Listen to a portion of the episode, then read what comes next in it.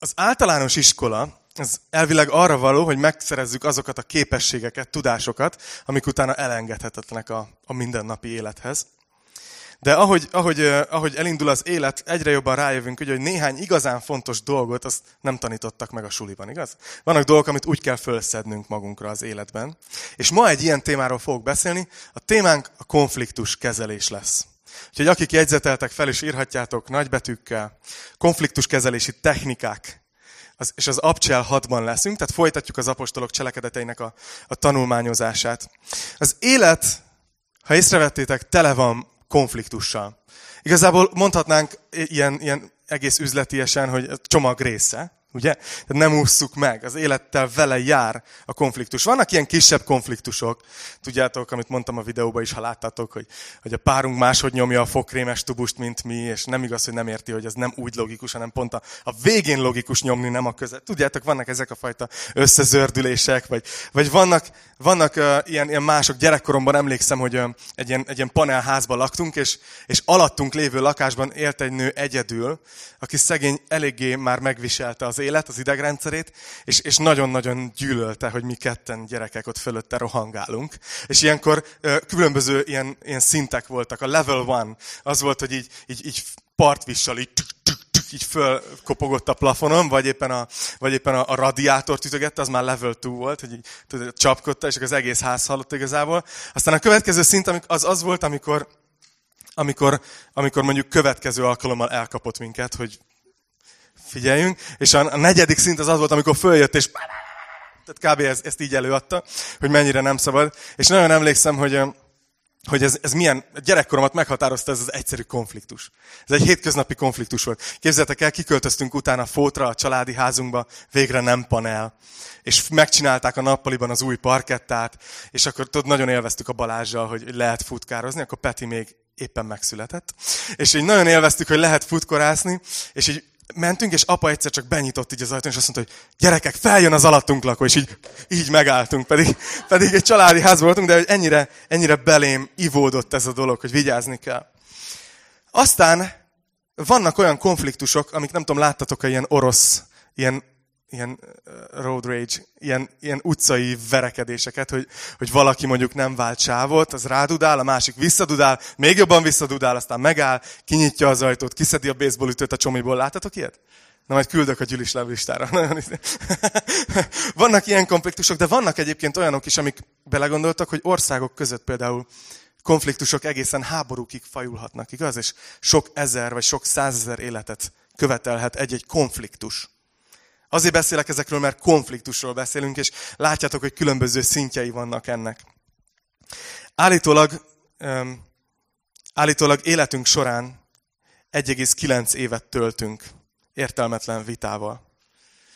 Múlt vasárnap német Jani tanította a Pesti Golgotában, és hallottam tőle ezt az illusztrációt, úgyhogy lopom hogy még, még a gyülekezetben is lehetnek konfliktusok. Volt egy, volt egy ilyen történet, hogy volt egy 67 éves idős üzletember, már, már nyugdíjas volt, aki bent élt egy nyugdíjas otthonban, és egyébként ez egy hívő ember volt, és egész életét végig szolgálta gyüliben, különböző feladatokban. És volt ott az idős otthonban egy, egy nyugalmazott lelkipásztor is, 80 évesen, és ez a két ember esténként nagyon szeretett leülni, és csak így vitatkozni teológiáról, gyűlis dolgokról, ki hogy látja, ki mint látja. Egészen addig a napig, amíg egyik este a 67 éves nem bírta tovább, és fejbe lőtte kétszer a, a, a nyug, nyugalmazott lelkipásztort, és ez, egy, ez nem egy plegyka, tehát a, a Christianity Today-en jelent meg, ami egy, ami egy nívós újság. tehát, hogy, tehát, hogy látjátok, amikor vitatkozunk a gyűliben, akár teológián, ideig fajulhat. Ideig fajulhat. Valószínűleg ők se tudták volna előző nap ezt elképzelni, hogy ez megtörténik velük. Szóval, mielőtt belevágunk az Abcsel 6-ba, két kérdés. Most, hogy sokkoltalak titeket. Ne, ne lőjön le senki, jó? Én se fogok senkit lelőni. De mielőtt belevágunk, egy kicsit gondolkozzatok ezen a két kérdésen, jó? És adok egy ilyen, egy ilyen pár másodpercet erre. E, ezen a kérdésen gondolkozzatok. Személyesen fogalmazom meg, hogy személyes legyen. Látsz-e problémát a családodban, vagy a szűkebb baráti körödben? És a második kérdés, hogy látsz-e bármi problémát ebben a gyülekezetben? Jó, nem kell jelentkezni, főleg a másodikra. Azért teszem fel ezt a kérdést, ez majd később előjön a tanításba. Jegyezzétek meg, hogy mik ugrottak be egy elsőre. Mert most, ahogy megyünk az Abcsel 6-ba, gyakorlatilag abban a szakaszban, szakaszba érünk, amikor az első gyülekezet, az első tanítványai Jézusnak úgymond túl vannak a mézes heteken. Akik házasok, azok tudják, hogy ugye a mézes hetekben minden rendben van. Minden rendben van. Semmi problémája, semmi hibája nincs a másiknak. És aztán, ahogy megy az élet előre, azért ne, nem a szeretet tűnik el, de azért kiderül, hogy mindannyian emberek vagyunk. És valahol úgy tűnik, hogy ebben a szakaszban van az első gyülekezet, hogy túl vannak ezen a, ezen a nagyon-nagyon mézes heteken, és, és az ellenség már több stratégiát is bevetett arra, hogy valahogy megakassza a gyülekezet növekedését. Ugye láttuk a direkt konfrontációt, ugye, amikor a vezetők mondjuk elkapták Pétert és Jánost, aztán, aztán láttunk ilyeneket, amikor így megfenyegették őket, hogy soha többet nem taníthattok. Múlt héten láttuk, hogy volt egy második kör, amikor már mind a 12 apostol ment, és meg is verték őket. Tehát, hogy volt egy ilyen. Ezzel próbálta az ördög így ellehetetleníteni a gyülekezetet. Aztán láttuk ugye pár héttel ezelőtt, hogy volt ez, hogy bejött a gyülekezetbe ez a vírus. A korrupció, a képmutatás. Egy romlottság jött a gyülibe. Ugye Anániás és Szafira története. Tehát az ördög látszik, hogy próbálkozik fenyegetéssel, próbálkozik megrom, megrontani az, az erkölcsöt a gyülekezetbe ilyesmikkel, és ma egy új stratégiát fogunk látni, és ez az, hogy konfliktus támaszt a gyülekezetben. Megosztást akar okozni a hívők közösségében. Ha van nálatok Biblia, akkor az Abcsel 6-nál nyissátok ki, és az egész fejezetet át fogjuk ma venni. Vagy app. Ott is lehet görgetni. Azt mondja az első versben, Abcsel 6. Azokban a napokban pedig, mivel nőtt a tanítványok száma, a görögül beszélő zsidók zúgolódni kezdtek a héberül beszélők ellen, hogy a naponkénti gondoskodásban elhanyagolják a közülük való özvegyasszonyokat. Idáig olvasom egy, egy először, mert ez a helyzetünk, amit, amit nézünk ma. Azt látjuk, hogy azt mondja, hogy azokban a napokban pedig, tehát magyarul ugyanabban az időszakban vagyunk még. És azt mondja, hogy, hogy mivel nőtt a tanítványok száma, tehát még mindig ebben a, ebben a növekedési szakaszban van az első gyülekezet, azt mondja, hogy, hogy jött egy probléma. Ez mindig így van. Több ember, több probléma. Próbáld ki. Szervezzél csak egy kirándulást. Szervezzél csak egy, nem tudom, egy, egy ifi tábort. Igaz, Zoli? Több ember, több probléma. Ezek jó problémák, de több ember, több probléma. És, és ilyenkor ebben a helyzetben alakul ki egy konfliktus két csoport között. Azt mondja, hogy a görögül beszélő zsidók zúgolódni kezdtek a héberül beszélők ellen. Na szóval mi van itt? Most ilyen, múlt, ilyen több nyelvű gyülekezet volt, vagy mi a helyzet? Az a helyzet, hogy ugye, ha emlékeztek, az első gyülekezet úgy indult, hogy, hogy pünkösdre jöttek a világ minden tájáról. A diaszpórában, szétszóratásban élő zsidók. És ugye azt láttuk, hogy, hogy ugye leszállt a Szentlélek, Péter hirdette az evangéliumot, és nagyon sokan megtértek, és ott maradtak. Tehát, hogy ott voltak egy helyen azok, akik eleve Judeából és Jeruzsálemből származtak, és héberül beszéltek, és ott voltak azok a zsidók is, akik már rég külföldre szakadtak, és ő nekik görög volt a kultúrájuk, görög volt a nyelvük.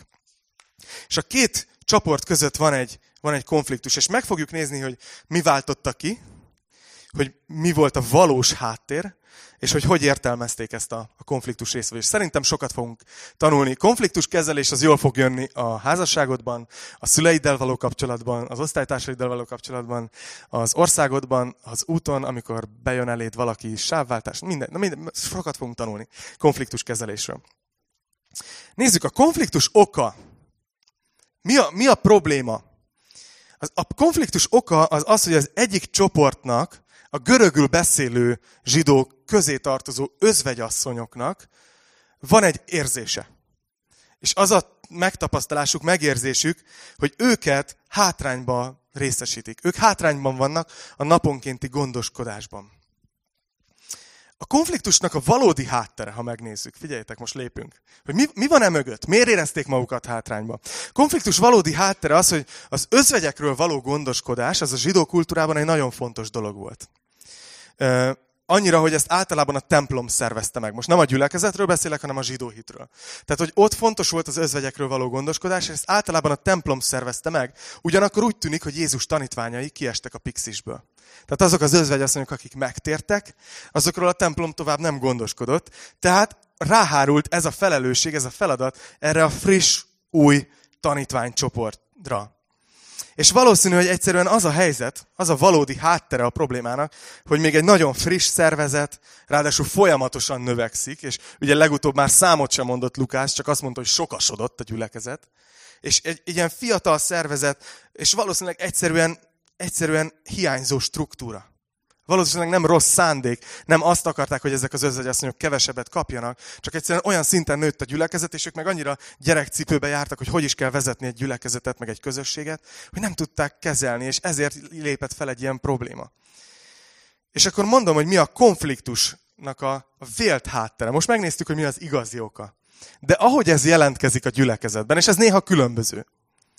Ahogy ez jelentkezik a gyülekezetben, az az, hogy eleve volt egy, egy kölcsönös lenézés a két csoport között. Úgy általában, nem a gyülekezetben csak, hanem akik Júdeában laktak zsidók, azok lenézték azokat, akik már szétszóródtak más országokba, mert azt mondták, hogy ők megalkuvók és túl világiasak, mert átvették a görög kultúrát. Tehát, hogy már, már ők, ők teljesen el vannak szállva. Ugyanakkor, akik a görög nyelvűek voltak, ők visszanéztek a judeai zsidókra, és azt mondták, hogy ó, ti vagytok azok a hagyományőrző szent fazek, akik nem tudtok egy kicsit se tudod, modernizálódni. És eleve volt egy konfliktus a két csoport között, és ez a két csoport, ez a konfliktus, ez jött velük a gyülekezetbe. Hiába lettek megváltva.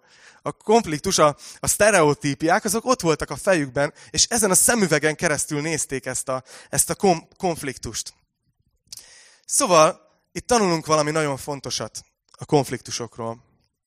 És, és az ellenség az nagy mestere ennek. Általában a konfliktus az úgy alakul ki, hogy van egy valós helyzet, amit mi a saját előítéleteink szerint értelmezünk.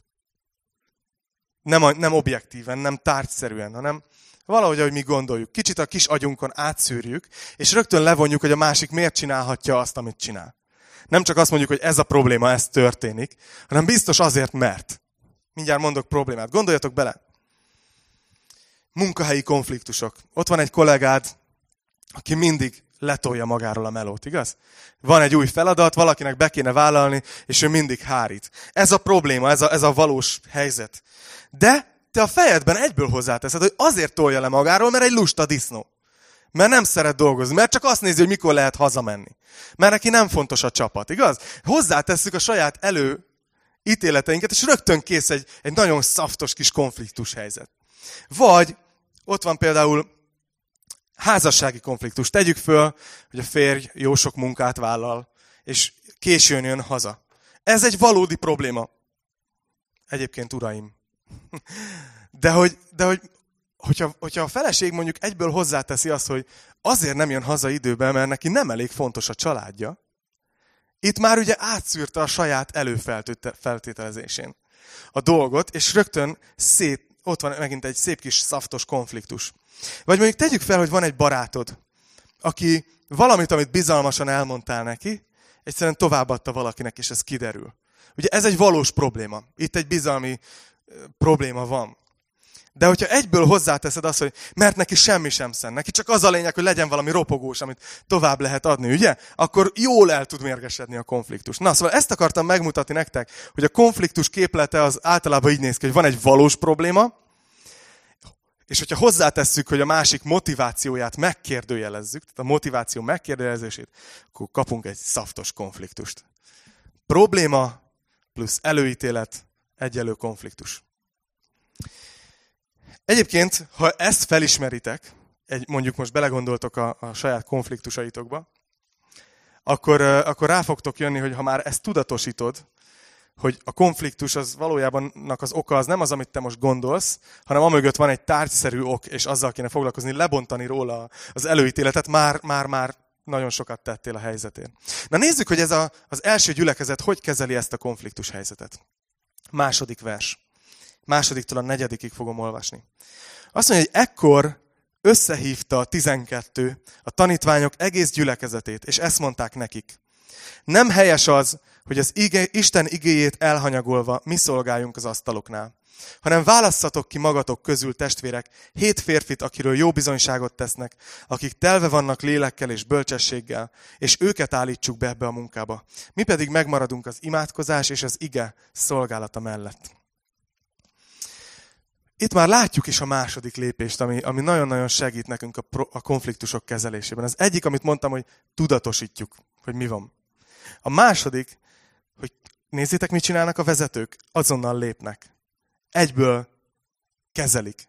Egyből elé mennek, és egyből, egyből fognak vele foglalkozni. Nem, nem söprik a szőnyeg alá, nem hagyták, hogy, hogy elmérgesedjen a, a konfliktus. És általában az van, hogyha be, belegondoltok, hogy általában az, nem azért hagyunk elmérgesedni konfliktusokat, meg nem azért söprünk szőnyeg alá, mert, mert mi olyan rossz emberek vagyunk, meg rosszat akarunk, hanem, hanem egyszerűen nagyon nehéz elkezdeni ezeket a beszélgetéseket, nem? Amikor valakinek valakivel konfliktusa van. Nagyon nehéz úgy, hogy így objektíven elkezdeni.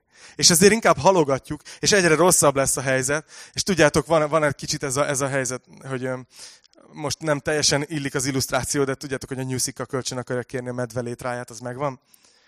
És, és azt mondja, elmegyek a medvéhez, neki van létrája, elkérem, elindul. Nem tudom, lehet, lehet, hogy pont a medve is dolgozik ma, nem tudom, hogy így odaadja a létrát. Megy tovább, á, nem tudom, medve mostanában olyan furcsán viselkedik egyébként is. Nem tudom, mint hogyha már nem lennénk barátok, és megy tovább. Igen, emlékszem, múltkor is beszólt nekem valami kegyetlenet a medve. Ó, úgy rám brummogott. Na jó. És megy tovább, és odaér, bekopog, tudod, és kinyitja a medve, és azt mondja, tudod mit, menj a létráddal, ahova akarsz. Tehát, hogy néha így, így fölépül bennünk, és így magunkat fölpumpáljuk, és mire oda jutunk, hogy valamiről beszéljünk, ezt akartam kihozni. Addigra sokkal több feszültség van bennünk, mint kéne. A tanítványok nem ezt csinálják. Azt mondja, hogy egyből összehívták a 12 a tanítványok egész gyülekezetét. Látjátok? Tanulom ezt, hogyha ha, ha szeretnétek ez ügybe fejlődni, akkor nagyon ajánlom, van egy ilyen könyv, a harmat adta ki, az a címe, hogy játszmák nélkül, hogyan kezdjünk hozzá a nehéz beszélgetésekhez. És egyébként nagyon-nagyon hasznos, és én, én nagyon sokat tanulok ezen a területen e, jelenleg. Azt mondja, hogy itt be fogok hozni egy más, eddig csak a konfliktus kezelésről beszéltem, de ebben a részben sokat fogunk tanulni vezetésről is egyébként. Vezetésről és szolgálatról. És ezt fogjátok tudni használni a munkahelyeteken, a cégetekben, az életetekben, bárhol. Nézzétek, az apostolok itt adnak egy fontos leckét is a, a vezetésről. Mert azt mondják, az első, amit mondanak, hogy nem helyes az, hogy az Isten igéjét elhanyagolva mi szolgáljunk az asztaloknál. Mert ugye ez lett volna a természetes megoldás. Hol van a probléma? Az asztaloknál, az ételosztásnál. Akkor mit csinálunk mi, apostolok, a Krisztus szolgái? Ugye? Megyünk és megoldjuk. Megyünk és megcsináljuk helyre tesszük. De ők nem ezt teszik. Azt mondják, hogy nem helyes az, hogy elhanyagoljuk az Isten igéjét, és mi szolgáljunk az asztaloknál.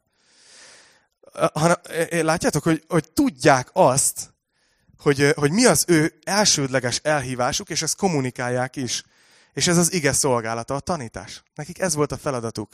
És tudták, hogyha ezt elhanyagolják, és mennek probléma menedzselni, akkor, akkor ez az elsődleges elhívás fog kárt szenvedni. Nem fogják tudni azt betölteni úgy, ahogy kellene. És ezért azán az egész közösség negatívan érinteni. És ezért van az egyébként egy gyülekezetben is, hogyha belegondoltok, van, van néha ez a mentalitás a gyülekezetben. Ebben a gyülekezetben nincs. De, de hogy így tudod, mindent a pásztor oldjon meg. Ő, ő a vezető, oldja meg. Olyan néha, mint a képzeljétek el egy foci meccset, ahol tele van a stadion, nem felcsút, tele van a stadion, és egy ember játszik. Tudod? Egy ember van lent a pályán, és, és cselez, és trükközik, inkább nem mutatom, elesek. De hogy, tehát, hogy megy, és tudod, az egész, hogy az egész aréna, gyerünk, pásztor, old meg, meg tudod csinálni, hajrá, tudod. És közben a kereszténység egy csapatjáték.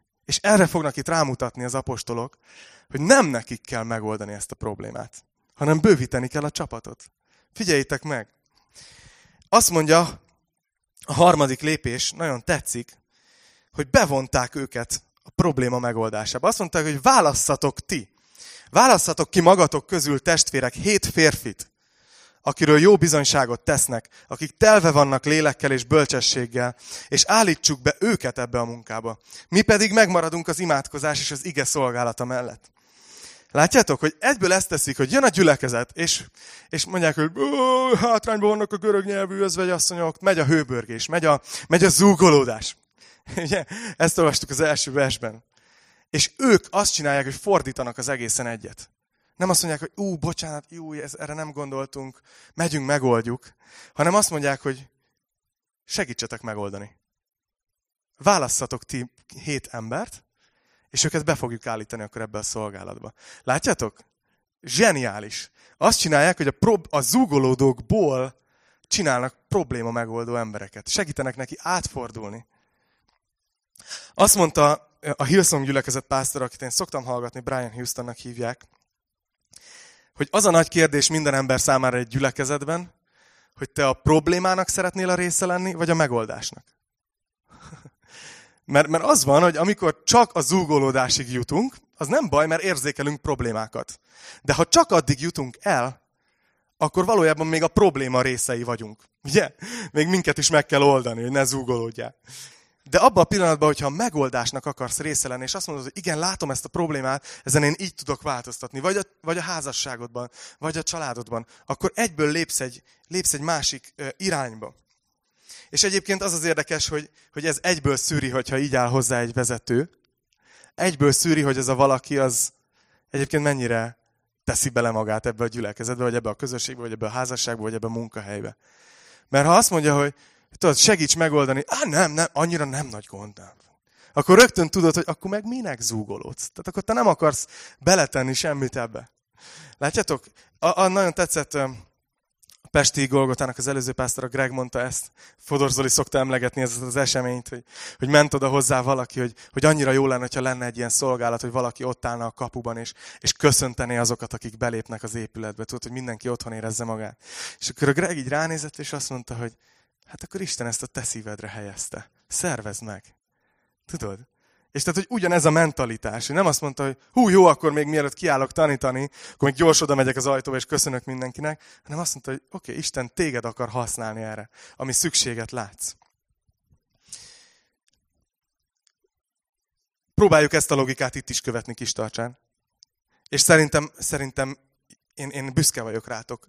Tehát hogy egyébként nagyon, nagyon jó, majd mondok is pár, pár példát. De itt az apostolok azt mondják, hogy, hogy a gyülekezet javasoljon hét férfit. Lehet, hogy azért, hogy minden napnak legyen egy felelőse, vagy nem tudom, a teljesség, vagy mi volt ez mögött a logika. De azt mondják, hogy hét, hét férfit választanak, tehát egyből adnak egy feladatot, ami a probléma megoldás irányába mutat.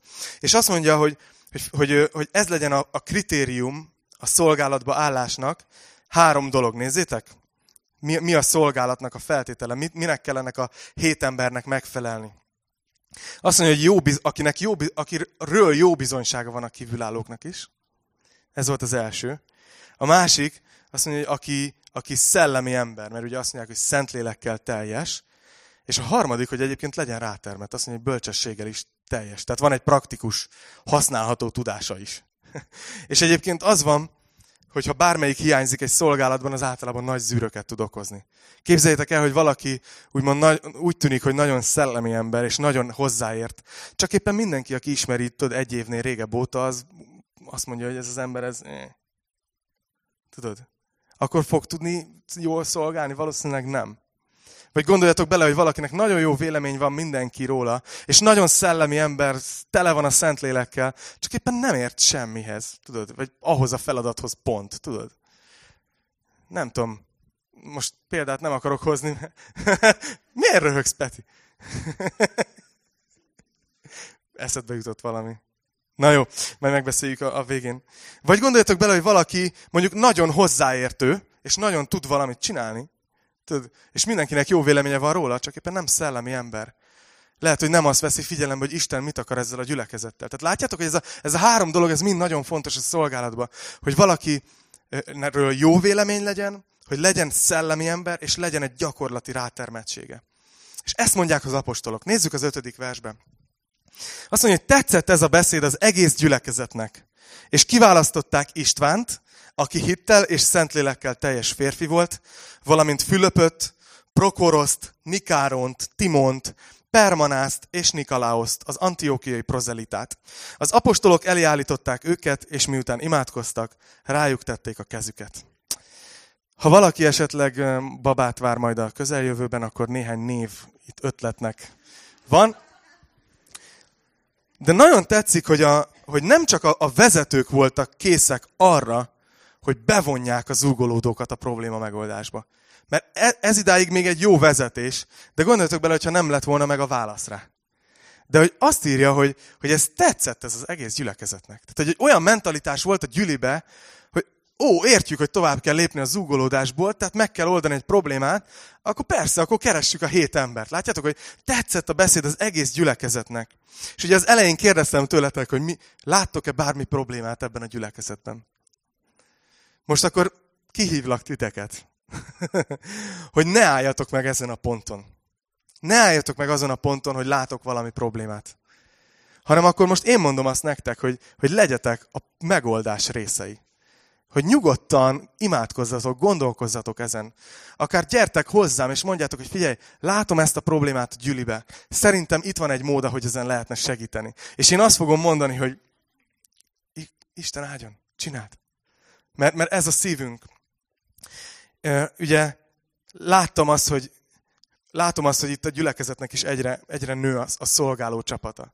És, és ennek mindig nagyon örülök, mert ezt látom, hogy, hogy egyre többeteknek, és most ne érezze senki magát rosszul, akinek a vasárnapokon kívül, meg a gyűlén kívül van az elsődleges szolgálata. Tehát ez nem arról szól, hogy lelkismert furdalást csinálják, csak az örömömet akartam mondani nektek, hogy, hogy én nekem nagyon nagy öröm az, amikor ti szolgáltok velem együtt. Amikor úgy érzem, hogy ez, ez egyre nagyobb ez a csapat, és már, már rég nem egyedül rohangálok a pályán. Már nagyon rég nem egyedül rohangálok a pályán. És annyira tetszik, hogy megláttok ilyen dolgokat, és megszervezitek. Nem tudom, az egyik első dolog, amit elkezdtünk csinálni, és nem fog, ne, ne sértődjön meg, akit kihagyok. De csak pár példa, hogy annyira ugye ott volt a, a, a szívünkön, így már az elejétől kezdve, hogy ott van az ifi és hogy milyen jó lenne, őket össze lehetne fogni. És, és Zoli, emlékszem, hogy az első ifi tábort a saját házukba szervezte meg, és mindenhol matracok voltak meg. de, hogy, de, hogy, de hogy volt egy ilyen mentalitás, hogy nem csak meg kéne szervezni, hanem akkor beleteszem magam, akkor megoldjuk ezt. Vagy, vagy van, vannak ilyen, ilyen dolgok, hogy de jó lenne, hogyha, hogyha jobb lenne a közösség, ugye? És annyira látom, hogy beleteszitek magatokat, kirándulások szervezése, hamarosan filmklub, ez most csak ilyen előzetes promó. Tehát ezek mindig előkészületben vannak, mert vannak emberek, akik így, akik így beleteszik ebbe magukat. Tetszik a Fodor Zolinak a példája, hogy így ő mondta, hogy ő nincs elhívva a gyerek szolgálatra, de látott egy problémát, tudod? És, és beleteszi magát. És nehogy azt higgyétek, hogy kellemes minden második héten, vagy akár néha minden héten kint lenni, amikor itt megy a gyülekezet, és lehetne töltődni is. De ő így beletette ebbe magát. Na, most nem emelek ki több embert. Ti elvettétek most a dicsőségeteket, a többiek a mennybe kapják meg. Csak viccelek. Szóval itt még egy alapelvre szeretnék megmutatni nektek, hogy a vezetőség az kikérte a gyülekezet véleményét. Azt mondta, hogy látjátok ezt a problémát, hogy, hogy van itt egy ilyen igazságtalanság? Akkor jelöljetek ki hét embert, és azt mondja, hogy utána mi majd, ugye, hogy, hogy, hogy írja? Hogy azt mondja, hogy miután az apostolok elé állították őket, imádkoztak, és rájuk tették a kezüket. Tehát nagyon érdekes, hogy volt egy ilyen, hogy kikérték a gyülekezet véleményét, de végül a vezetőség vállalta a felelősséget azért, hogy kitállítottak be a szolgálatba. És ezt látjuk újra, meg újra, meg újra az abcselben. És most ezt ne vegye senki személyesnek, hogyha olyan gyülekezetből, vagy olyan háttérből vagy, ahol ezzel lehet, hogy emberek visszaéltek.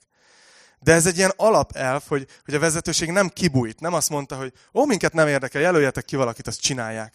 Hanem utána oda mentek, és rájuk tették a kezüket, és imádkoztak értük, beállították őket a szolgálatba, hogy, hogy legyen ott ez a, ez a megerősítés. Van egy kollégám a munkahelyemen, aki 38 éven át pásztor volt, és így vezetett kicsi gyüliket, közepeseket, meg ilyen mega csörcsöt is.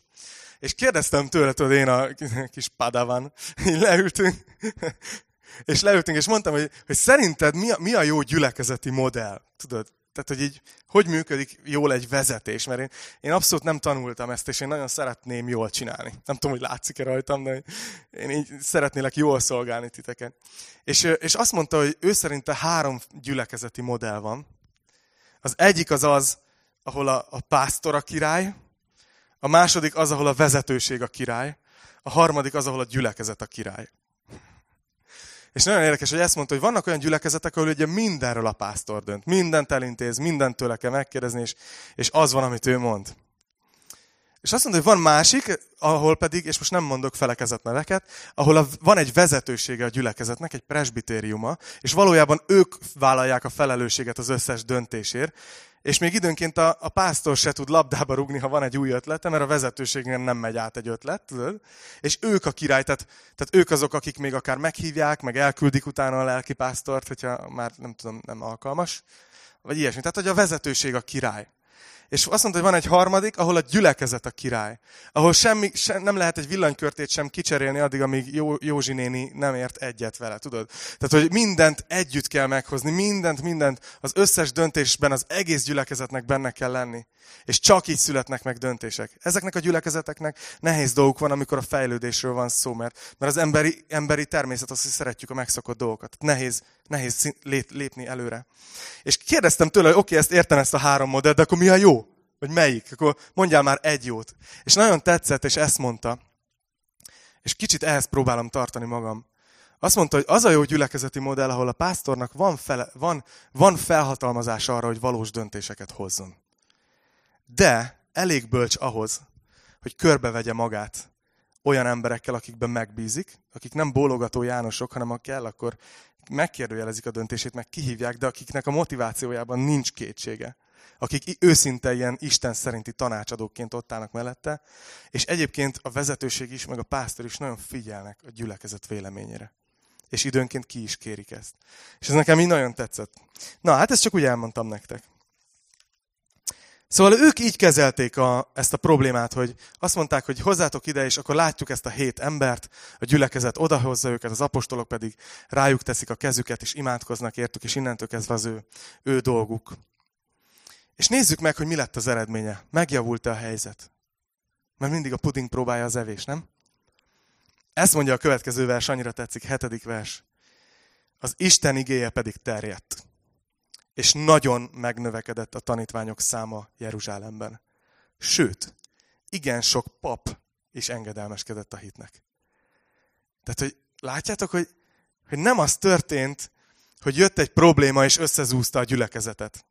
Nem az történt, hogy jött, és, és, és lefogyott a, nem tudom, a létszám, és szétszélett az egész, hanem, hogy még, még nagyobbat növekedett. És ezt akarom elültetni a fejetekbe. Most már tudom, hogy beszélek egy ideje, de erre figyeljetek, ez egy fontos gondolat. Hogy mi sokszor úgy tekintünk emberek a problémákra, mint rossz dolgokra. De nagyon sokszor, ahol az emberi szem egy problémát lát, ott Isten szeme egy lehetőséget lát.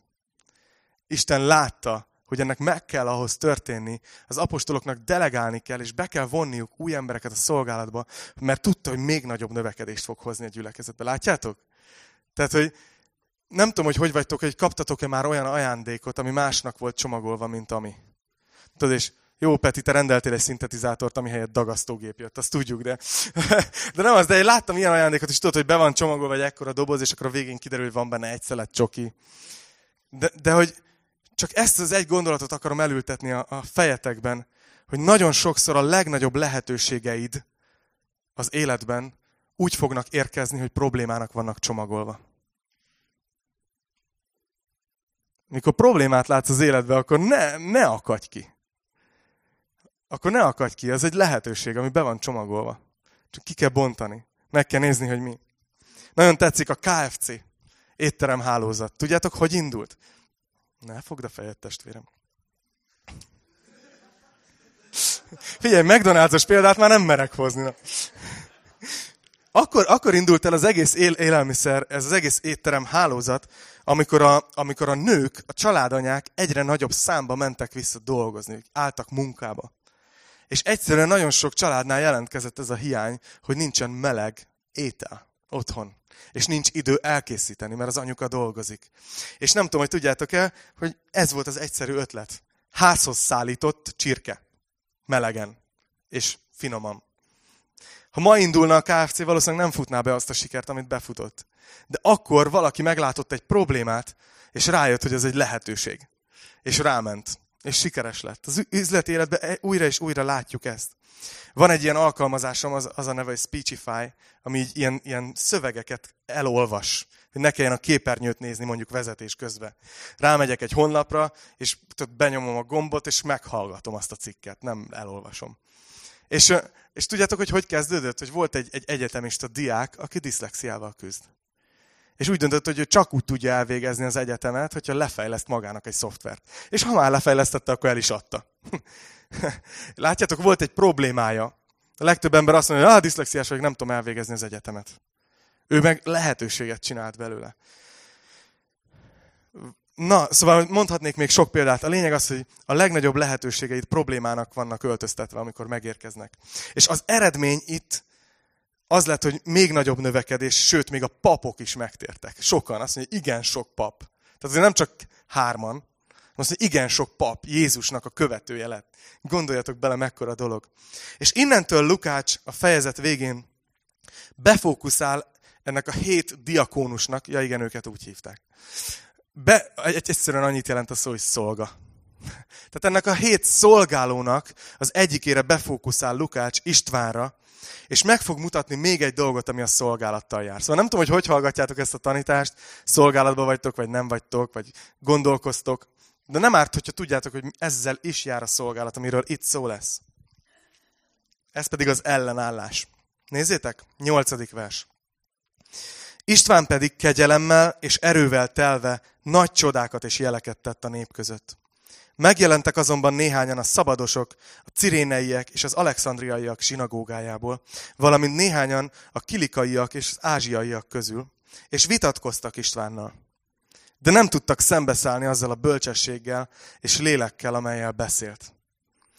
Szóval azt olvastuk az elején, hogy István telve volt, ugye hittel és szent lélekkel, bölcsességgel, és itt azt mondja, hogy kegyelemmel és erővel. Tehát ez az ember, ha lehet így mondani, ez szolgált ezerrel. Ő tolta. és hogy látszott, hogy Isten használja is, nem csak ő próbálkozott. És azonban itt történik valami, amire, amire számíthatsz, hogyha szolgálni szeretné, hogy lesz ellenállás. Ugye azt mondja, hogy megjelentek néhányan ezekből a különböző zsinagógákból, amik ugye külföldi zsinagógák, és elkezdtek vitatkozni Istvánnal. És erre lehet számítani. Néha ilyen romantikus képünk van a szolgálatról. Hú, az olyan jól néz ki, ha valaki benne van a dicsi csapatban, és itt kint áll. Az olyan jól néz ki, ha valaki, nem tudom, kis csoportot vezet az ifi, szol, ifi táborban. Mondjak még példákat. Az olyan jól néz ki, nem? Hogy ah, én szolgálok, én szolgálom az urat, szolgálom itt a gyülekezetben is. De az a helyzet, hogy, hogy, hogy vannak olyan emberek is, akik éppen miatt pont csak a látványos dolgokra mennek rá. Minden gyülekezetben előkerülnek azok az emberek, akik úgy jelentkeznek be, hogy, hogy szeretnék ide járni, és egyébként a tanításhoz van ajándékom. és akkor mondjuk, hogy hát az most pont meg van oldva. Tehát, hogy esetleg a takarítás, vagy székpakolás, de hogy az általában úgy már nem megy. De a, a, ami, ami, ami látszik, az az, hogy Istvánnal nem tudtak szembeszállni. Látjátok? Azt mondja, István kegyelemmel és erővel telve szolgált. Magyarul Istenből táplálkozott és nem tudták leállítani. Ezért nagyon fontos kérdés, ha szolgálsz, ha csak fogsz, hogy miért szolgálsz? Hogy azért szolgálsz, mert vagánynak néz ki? De néha tud vagány lenni. Vagy azért szolgálsz, mert, mert sajnálatból? Tudod, hogy szegény Ati mindig mondja, hogy gyertek már szolgálni. Ezért szolgálsz, akkor állj ki. Vagy azért szolgálsz, hogy, csak látsz egy szükséget, és utálod az egészet, de betöltöd valahogy az meg fog látszani. Az meg fog látszani a munkádon.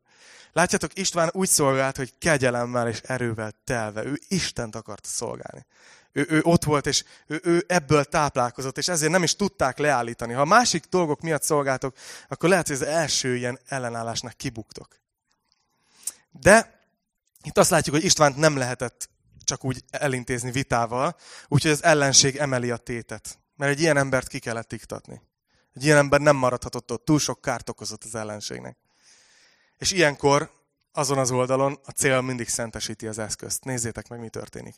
Ugye vitatkoznak vele, de nem tudják bölcsességgel legyőzni, úgyhogy más módszereket választanak. 11. vers. Ekkor felbújtottak némelyeket, akik ezt mondták. Hallottuk, amikor káromolta Mózest és az Istent. A népeket, a véneket és a népet, a véneket és az írástudókat is fellázították. rárontottak, elfogták őt, és a nagy tanács elé hurcolták. Milyen ismerős, nem? Már hanyatszor olvassunk ilyen történetet. Hamis tanukat is állítottak, akik ezt mondták. Ez az ember állandóan e szent hely és a törvény ellen beszél. Hallottuk azt is, amikor azt mondta, hogy a názereti Jézus lerombolja ezt a helyet, és megváltoztatja azokat a szokásokat, amelyeket Mózes hagyott ránk. Ekkor a nagy tanácsban ülők mind rátekintettek, és látták, hogy az arca olyan, mint egy angyalé.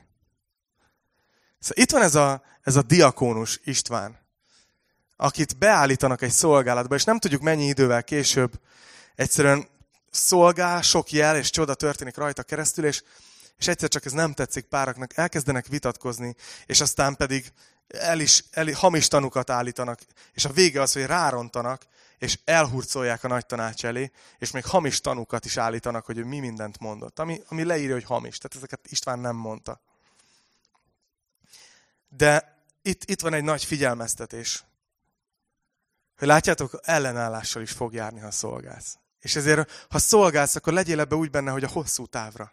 Hogy Istenért csináld. Ne azért, mert jól néz ki. Ne, azért, nem ármi másokért. És utána elfogják, és ezt olvassuk, hogy ott van végre István a nagy tanács előtt, ott vannak a hamis tanúk, a papok, a nép, a vezetők, nem tudom, és így rászegeződnek, elhangzottak a vádak, és most ő erre mit fog mondani? Szerintetek egy probléma ez a helyzet, vagy egy lehetőség? Ezt ma jövő héten kiderül. Innen fogjuk folytatni. De remélem, hogy ez hasznos volt nektek. Remélem, hogy ezeket a dolgokat, konfliktuskezelés, vezetés, szolgálat, ezeket a gondolatokat magatokkal viszitek, és beépítitek az életetekbe.